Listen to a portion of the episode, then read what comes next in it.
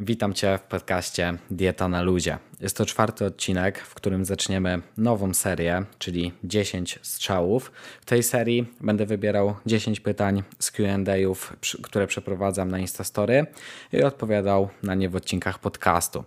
E, koniecznie daj znać na Instagramie, co myślisz o takiej formie. Y, żeby skondensować sobie to w jednym odcinku podcastu. Chcę odpowiadać konkretnie na niektóre tematy, bardziej się rozwodzić na niektóre mniej, więc myślę, że taka forma będzie dla Ciebie przystępna, ale koniecznie daj mi znać i zaczynamy nowy odcinek podcastu. Pierwsze pytanie brzmi: jak zmotywować się do treningów i wyznaczyć sobie realne cele? Jest to ogólnie świetne pytanie co do samej motywacji, na pewno warto z góry wybrać aktywność, którą lubisz. Jeżeli wybierzesz coś, co nie sprawia ci jakkolwiek fanu, to nawet przy najwyższych poziomach motywacji nie uda ci się długoterminowo tego utrzymać. Dlatego, po pierwsze, wybierasz aktywność, którą lubisz, możesz przetestować kilka i po prostu wybrać tą, która sprawia ci największą przyjemność. A jeżeli to już masz zrobione, to z pewnością warto szukać czynności, które wzmacniają Twoją motywację. Na przykład może to być podpisanie umowy z samym sobą do realizacji planu. To brzmi trochę trochę dziwnie, ale faktycznie, jeżeli e, damy taką deklarację, czy to samym sobą, czy innym, że będziemy się tego podejmować, to jest to dużo silniejsze i z pewnością łatwiej będzie nam wytrwać. Po drugie, możemy jakkolwiek się nagradzać. To nie może kolidować z jakimś tam celem w postaci czy wzmocnienia mięśni, czy redukcji masy ciała, czy jaki tam jeszcze jest inny y, Twoich treningów, y, ale może być to jakaś po prostu nagroda związana z relaksem, czy czymkolwiek innym. Po trzecie, warto naprawdę znaleźć wsparcie bliskiej osoby, czy to będzie rodzina, czy przyjaciele, czy partner, nie ma to znaczenia, ale ale jeżeli komuś o tym powiesz i będzie cię w tym wspierał, to z pewnością dużo łatwiej będzie wprowadzić dodatkową aktywność fizyczną. I po czwarte, wypisz sobie argumenty krótkoterminowe oraz długoterminowe, które realnie da ci ta zmiana. Dlaczego chcesz to wprowadzić? Co zmieni to w Twoim życiu, w Twoim zdrowiu, sylwetce? Koniecznie sobie to zapisz. Jak już obierzesz sobie aktywność, którą lubisz i zapiszesz sobie wszystkie aspekty, o których mówiłem, wzmacniające motywację, no to musisz właśnie wyznaczyć sobie te cele. E, jeżeli pytasz mnie, jak to zrobić dobrze, to jest dużo metod. Możesz wybrać tą najpopularniejszą, czyli metodę SMART. Czyli po pierwsze tak, Cel ma być S, konkretny, czyli na przykład konkretnie chcę trenować 3 razy w tygodniu, albo nie wiem, chcę w przyszłości przebiec półmaraton czy podnieść 100 kg w martwym ciągu. Po drugie, M, czyli mierzalny. Y, na przykład mierzysz sobie, czy idziesz w dobrym kierunku przez jakiś zegarek sportowy i czy biegasz wyznaczoną ilość kilometrów, czy cokolwiek, zapisujesz sobie na przykład w notesie, ile kilogramów na sztandze podnosisz y, i czy to, co po prostu robisz, daje ci realne efekty. Kolejną literką jest A, czyli osiągalny. No jeżeli nigdy nie biegałaś, a chcesz y, przebiec 100 km, to jest mała szansa, że uda Ci się to zrobić w tym roku. Ale jest duża szansa, że w przyszłości może się to udać, tylko po prostu musisz teraz małymi krokami do tego dochodzić. Czyli pierwszym celem może niech będzie 10 km zamiast 100, bo szybko się zniechęcisz, by zobaczysz, że to jest tak ciężki i odległy temat, że po prostu no, potrzeba wiele czasu, żeby dojść z miejsca zero na przykład do przebiegnięcia tych 100 km, czy od po prostu zrobienia poprawnego martwego ciągu e, z pustą sztangą do 100 kg. R oznacza istotny. Jeżeli ten cel nie będzie dla Ciebie ważny i nie będzie wysoko w hierarchii Twojego życia, to bardzo ciężko będzie Ci się zmotywować do trenowania. Więc wypisz sobie wszystkie najważniejsze aspekty w Twoim życiu, które u Ciebie królują. Jeżeli te treningi będą wysoko, to jest duża szansa, że to Ci wyjdzie. I ostatni ten aspekt, czyli literka T, to określony w czasie. Konkretnie wyznacz sobie termin, czy to tych krótkoterminowych celów, czy już tego długoterminowego, zawsze daj sobie z 3 miesiące więcej e, niż masz w głowie, że to osiągniesz, bo lepiej jest dać sobie więcej czasu i pozytywnie się zaskoczyć, zrobiąc coś szybciej, niż dać sobie za mało czasu i po prostu czuć, że czegoś się nie zrobiło. Już kończąc ten mój wywód, y, warto też y, zrobić sobie plan minimum, optimum, maksimum, o którym mówiłem w pierwszym odcinku podcastu, czyli plan minimum na gorszy tydzień to będzie jeden trening w tygodniu, plan optimum na przykład na co dzień to będą dwa treningi w tygodniu, a maksimum to będą trzy treningi w tygodniu. Nie układając sobie sztywnej ramy, bo wiadomo, że życie jest różne, możesz czuć dłuższą motywację, bo po prostu realizując jeden lub dwa lub trzy treningi będzie to zrealizować zrealizowane, a nie na sztywno od razu, że musisz zrealizować nagle 5 treningów w tygodniu. Jeżeli to nie wyjdzie, to y, no już koniec i wszystko poszło na marne, nie? Drugim pytaniem jest, jak dobrać współczynnik PAL przy dwóch treningach dziennie? Mam z tym duży problem. Temat obliczenia zapotrzebowania kalorycznego wraca zawsze jak bumerang. I teraz tak, nie da się idealnie obliczyć zapotrzebowania kalorycznego, dlatego każdy kalkulator pokazuje inną wartość, a to dopiero początek góry lodowej.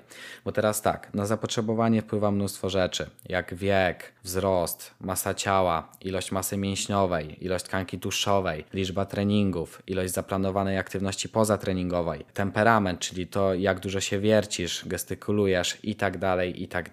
Możesz wykonywać dwa treningi dziennie, a poza tym w ogóle się nie ruszać i mieć kompletnie inną aktywność od osoby, która wykonuje y, cztery tylko treningi, załóżmy w skali tygodnia, ale ma tak wysoki temperament, że ma bardzo dużą ilość kroków, y, cały czas się wierci, tupie nogą y, i jest bardzo aktywna, jest jej po prostu wszędzie pełno ale nie zostawiając się z taką pustą odpowiedzią, wybrałbym tutaj po prostu 1,6 i obserwował przez dwa tygodnie. Nie wiem, jaki masz dokładnie cel, ale w zależności od tego, jeżeli chcesz zredukować i te kalorie, które obliczyłaś, nie pozwalają ci tego zrobić, to po prostu utnij 200 kalorii i dalej obserwuj przez dwa tygodnie.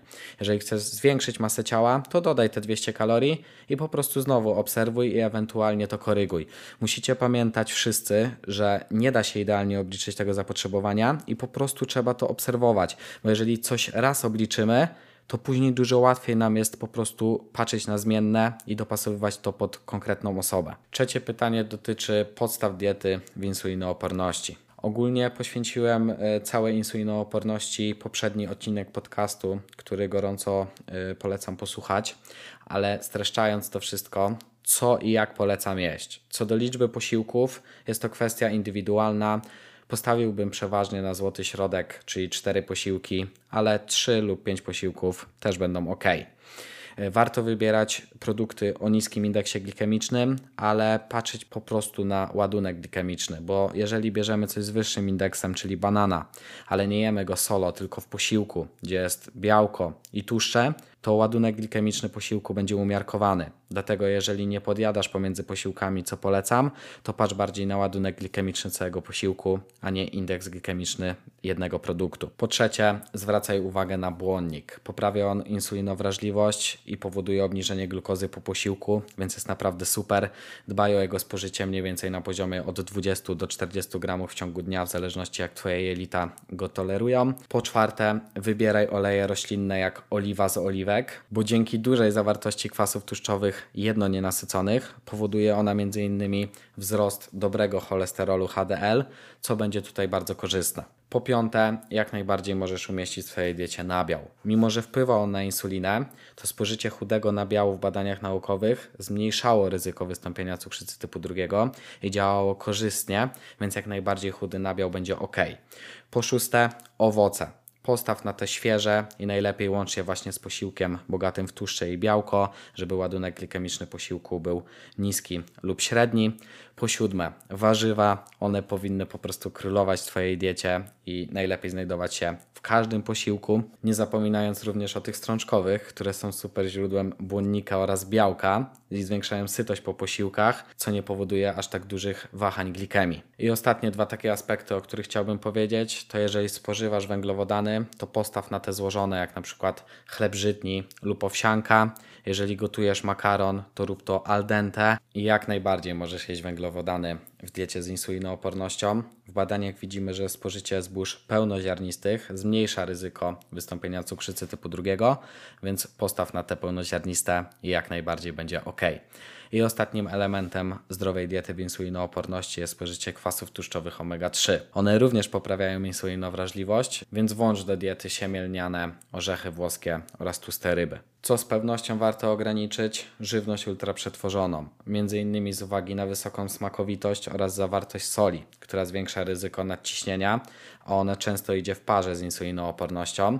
No i też udowodniono, że osoby, które stołują się w restauracjach typu fast food mają wyższy wskaźnik HOMA-IR, czyli takiego wskaźnika mówiącego o insulinooporności. Po drugie, ogranicz wszelkiego rodzaju soki. One zwiększają ryzyko zachorowania na cukrzycę typu drugiego. Tak samo jak suszone owoce, które zawierają dużo cukrów prostych i ogólnie cukier dodany warto ograniczyć do minimalnych wartości w Twojej diecie. Węglowodany proste, one powodują wyższy wyrzut insuliny, więc też warto zastąpić je na węglowodany złożone. A przechodząc do tłuszczów, to na pewno warto ograniczyć kwasy tłuszczowe nasycone, które obniżają insulinowrażliwość i sprzyjają chorobom sercowo-naczyniowym oraz tłuszcze trans.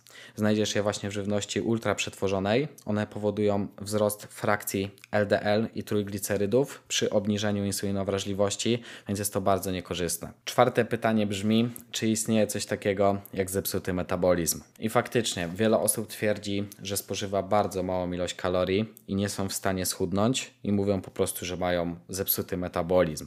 Jednak prawda jest taka, że metabolizmu nie da się zepsuć i jest on niczym innym jak Twoim całkowitym zapotrzebowaniem na energię, więc nie da się popsuć metabolizmu, ale mogą zachodzić adaptacje metaboliczne i jeżeli zaczynasz od bardzo niskich kalorii i dodajesz dużo treningów typu cardio, to tak naprawdę sobie szkodzisz już od początku i Twoja redukcja masy ciała może być utrudniona. Nasz organizm adaptuje się na kilku płaszczyznach, między innymi wytwarza więcej energii ATP niż ciepła z tej samej ilości spożywanych kilokalorii, przez co mamy mniejsze zapotrzebowanie kaloryczne.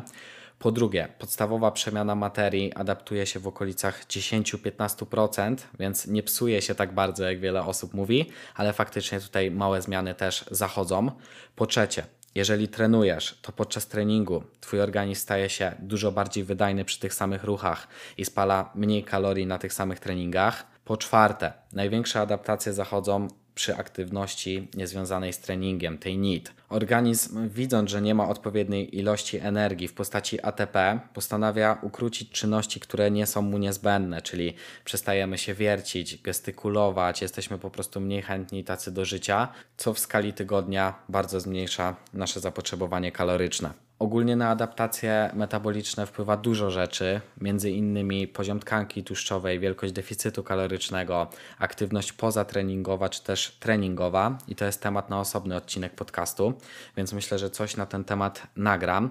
I ogólnie organizm adaptuje się głównie w celach przetrwania. Jednak istnieje teoria set pointu, gdzie mm, każdy z nas czuje się komfortowo na pewnym przedziale tkanki tłuszczowej i przeważnie u mężczyzn jest to przedział mniej więcej od 12 do 18% tkanki tłuszczowej, a u kobiet od 20 do 25%.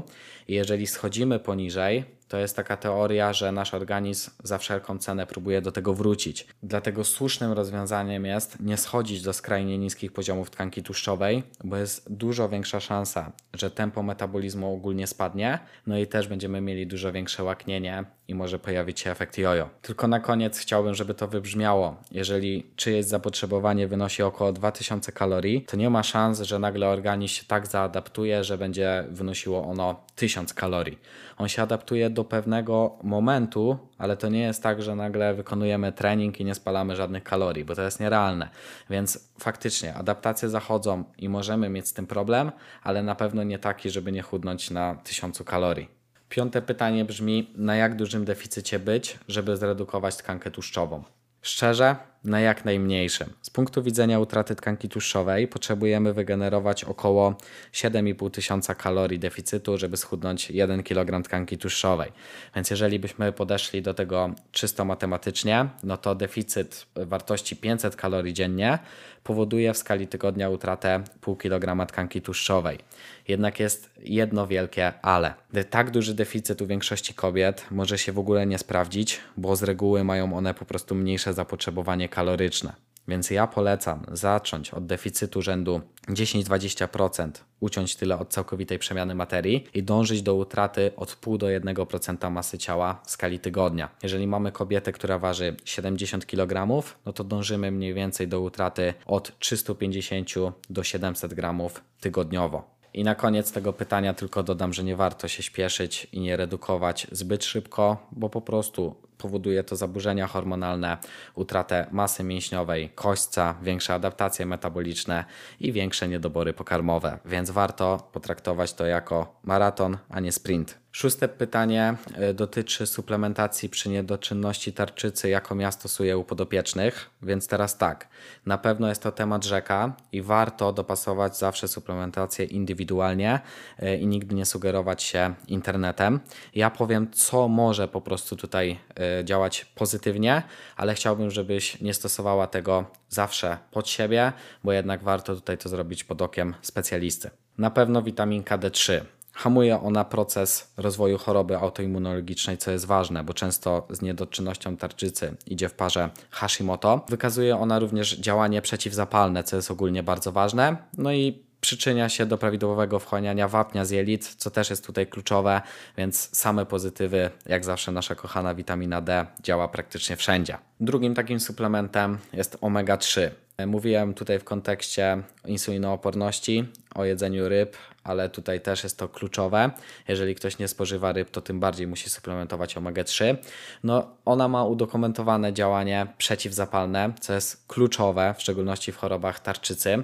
E, co ciekawe, wykryto w badaniach naukowych, że praktycznie 90% kobiet, które miały problemy z tarczycą, dokładnie z Hashimoto, borykały się z niedoborem omega-3, więc warto o to zadbać. No i ostatnie badania wykazują, że mogą one wpływać na zwiększenie stężenia hormonów FT3 i FT4, co będzie zmniejszać niedoczynność tarczycy, więc jak najbardziej jest to korzystne.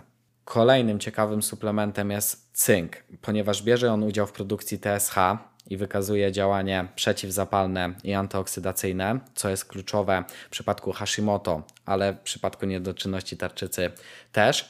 No i badania mówią, że może on poprawiać konwersję T4 w T3, co jest korzystne dla prawidłowej pracy tarczycy, ale tutaj z tą suplementacją już bardzo bym zwrócił uwagę na pomoc specjalisty, żeby nie robić tego na własną rękę. Kolejnym fajnym suplementem, który znowu konsultowałbym tutaj z dobrym specjalistą, jest selen, ponieważ oprócz tego, że wykazuje on ponownie działania antyoksydacyjne i przeciwzapalne, to w połączeniu z białkami tworzy związki przeciwutleniające i w chorobie Hashimoto redukuje przeciwciała anty-TPO, co jest bardzo ważne, bo gdy wykrywamy chorobę Hashimoto, to badamy właśnie przeciwciała anty-TPO i anty-TG. I ostatnim takim bardziej smaczkiem niż e, produktem, który jest konieczny, jest m.in. inozytol, ponieważ może on działać ochronnie na tarczycę oraz zmniejszać e, cytokiny prozapalne, co znowu jest korzystne.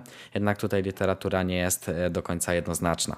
Siódme pytanie dotyczy tego, co jeść w przypadku niedoczynności tarczycy, więc mieliśmy już suplementację, teraz e, pytanie o dietę. Ogólnie zrobię na pewno osobny odcinek odnośnie diety w przypadku niedoczynności tarczycy, suplementacji, aktywności fizycznej oraz mitów z tym związanych, ale ogólnie warto bazować na żywności nisko przetworzonej i na zasadach zdrowego odżywiania ale są pewne kwestie, na które trzeba zwrócić uwagę i teraz pokrótce o nich opowiem, a rozwinę ten temat w osobnym odcinku podcastu. Pierwszym takim aspektem, na który na pewno warto zwrócić uwagę, jest to soja. Jeżeli spożywasz leki na niedoczynność tarczycy, to przesuń ją od leku minimum 4 godziny, żeby zachować dłuższy odstęp. Po drugie, nie popijaj nigdy leków herbatą, kawą, sokami czy nawet wodą mineralną. Wybieraj po prostu wodę bez minerałów, tak będzie najbezpieczniej. Trzecim aspektem są goitrogeny. Bardzo często się o nich mówi i faktycznie warto zachować z nimi umiar, ale to nie znaczy, że w ogóle teraz nie możesz jeść warzyw kapustnych, bo masz niedoczynność tarczycy. Jeżeli gotujesz już tego brokuła czy kalafior, to zawsze rób to z otwartym wieczkiem. To jest bardzo ważne, żeby garnek nie był przykryty. E, no i po prostu zachowaj jakikolwiek umiar, czyli może nie jest kilku kilogramów warzyw kapustnych codziennie i wtedy na pewno będzie w porządku. Ostatnim popularnym aspektem jest e, laktoza i gluten gluten, ale pozwolę sobie zostawić ten temat na osobny odcinek podcastu i opowiedzieć Ci o tym więcej. Więc na razie zostawię Cię tylko z tym, że to nie jest do końca tak, że całkowicie trzeba eliminować zawsze i wszędzie gluten oraz laktozę, ale może być w tym ułamek prawdy, ale tutaj wszystko zależy od kontekstu i indywidualnego przypadku, więc opowiemy sobie w tym osobnym odcinku ale troszkę zboczyłem z toru, więc co do samej diety, powinna ona mieć głównie charakter przeciwzapalny. E, jak mówiłem o tych suplementach, wszystkie miały właśnie charakter przeciwzapalny to jest bardzo ważne w chorobach tarczycy, więc umieszczaj w niej głównie warzywa, owoce, orzechy, nasiona, strączki, zboża pełnoziarniste, oliwę, zioła czy też ryby i z pewnością zwróć uwagę na duże ograniczenie słodyczy, fast foodów, tłustych mięst, soli, cukru czy też alkoholu. Jeżeli chodzi o makroskładniki, to białko jest tutaj naprawdę kluczowe w chorobach tarczycy, z uwagi na to, że jest źródłem tyrozyny, a z niej powstaje hormon tarczycy, czyli tyroksyna. Warto, żeby białko stanowiło około od 20 do 30% kaloryczności diety. Co do tłuszczów, tutaj z pewnością warto zadbać o kwasy tłuszczowe omega-3, oraz jedno nienasycone kwasy tłuszczowe i ogólnie wielonienasycone kwasy tłuszczowe z ograniczeniem nasyconych kwasów tłuszczowych i tłuszczów trans. Co do węglowodanów, to tutaj jak zawsze zboża pełnoziarniste, ale poruszymy sobie ten temat, no bo teraz właśnie nie wiadomo, czy zboża pełnoziarniste na pewno, czy może zboża bezglutenowe. Ten temat zostawimy sobie na kolejny odcinek podcastu. Ósmym pytaniem jest to, jak wejść na masę po długim okresie redukcji, żeby nie było efektu jojo. Mówiąc krótko i na temat, efekt jojo nie zależy od tego, ile dodasz kalorii, tylko od tego, jak przeprowadzasz redukcję masy ciała i jaką masz relację z jedzeniem. Nawet jeżeli po redukcji wejdziesz od razu na nadwyżkę kaloryczną i będziesz ją kontrolować, czyli nie będzie to tak zwana świniomasa w postaci, nie wiem, nadwyżki rzędu 2,5 tysiąca kalorii, to nagle nie wrócisz do punktu wyjścia sprzed odchudzania. Dlatego obliczasz od nowa całkowitą przemianę materii, dodajesz do tego 200 kalorii, kontrolujesz proces masy ciała i tutaj się nic złego nie wydarzy. Ważne jest to, jak przeprowadzasz redukcję, a nie to, jak z niej wychodzisz. Jeżeli głowa jest zdrowa, to nigdy nie będzie żadnego problemu. W dziewiątym pytaniu ktoś zapytał, dlaczego po treningach masa ciała w kolejnym dniu rośnie. Ogólnie odpowiedź jest dosyć prosta, bo rośnie głównie z uwagi na zatrzymanie się wody w organizmie z kilku względów. Po pierwsze, jeżeli te treningi są bardzo ciężkie, to jest to pewnego rodzaju stresor dla organizmu, więc może zatrzymywać tej wody więcej. Po drugie, dużo osób nie dba o odpowiednie nawodnienie podczas treningu, a odwodnienie może skutkować zatrzymaniem wody w organizmie. Po trzecie, jeżeli to jest trening siłowy, to masa ciała może rosnąć z uwagi na glikogen i ogólnie na zwiększenie masy mięśniowej. I po czwarte, jeżeli chodzi o kobiety, no to może być tutaj też problem z gospodarką hormonalną, na przykład z kortyzolem, estrogenami czy też progesteronem, więc jeżeli to się gdzieś tam notorycznie pojawia, no to można też tutaj wykonać jakąś diagnostykę i sprawdzić gospodarkę hormonalną. Sam wzrost tej masy ciała nie powinien y, być dla Ciebie problemem. Pamiętaj, że na masę ciała wpływa mnóstwo aspektów i warto patrzeć na to w dłuższej perspektywie czasu, sugerować się też pomiarami, zdjęciami, jak leżą ciuchy, bo na samą wagę wpływa właśnie retencja wody, ilość soli, treści jelitowej, stres, po prostu mnóstwo czynników i patrz na to na większej przestrzeni czasu niż jeden tydzień, a już w ogóle jeden dzień. I ostatni, dziesiąty strzał brzmi: jak wygląda kwestia kalorii podczas wymiotów lub biegunek? Czy utracone kalorie trzeba jakoś nadrobić? Co do samych wymiotów, y, badania pokazują, że nawet jeżeli one są tuż po jedzeniu, to ciało zdąży jakby wchłonąć przynajmniej 40% spożytych kalorii, czasami nawet do 75%. Więc y, jeżeli coś trzeba nadrobić, no to połowę tych kalorii można przyjąć mniej więcej, y, że trzeba nadrobić. Też zależy właśnie po jakim czasie od posiłków są te wymioty. Co do biegunek, to tutaj tak naprawdę zapotrzebowanie kaloryczne się nie zmienia, ale mocno trzeba zwrócić uwagę na nawodnienie. Zazwyczaj, jeżeli występuje już jedna biegunka w postaci takiego luźnego stolca, to trzeba przyjąć od 350 do 700 ml wody. Jeżeli ktoś wymiotuje y, i jest to kilka razy dziennie, ma jakieś zatrucie, to przeważnie po każdym epizodzie wymiotu trzeba uzupełnić dodatkowo 250 do 350 ml wody. Więc nawodnienie jest ważne. Co do kalorii, wchłania się te około 40% spożytych kalorii, ale może być to nawet czasami dużo więcej do 75 w zależności kiedy był spożyty posiłek, a kiedy są wymioty, więc jeżeli zadbasz o troszkę więcej kalorii i odpowiednie nawodnienie, to organizm na pewno Ci za to podziękuje, ale jest to ciekawy temat, bo faktycznie przy wymiotach i biegunkach dieta ma duże znaczenie. Doszliśmy do końca naszych 10 strzałów. Jest mi bardzo miło, jeżeli dotrwaliście do tego momentu y, odcinka podcastu. Będę wdzięczny za zostawienie pięciu gwiazdek na Spotify'u, za obserwowanie mojego podcastu i słuchanie nowych odcinków. Podziel się proszę wiadomości prywatnej na Insta, jak Ci się podoba ta seria i ogólnie odcinki podcastu. Staram się, żeby z każdym kolejnym było coraz lepiej, więc będzie mi bardzo miło i słyszymy się w kolejnym odcinku. Na razie.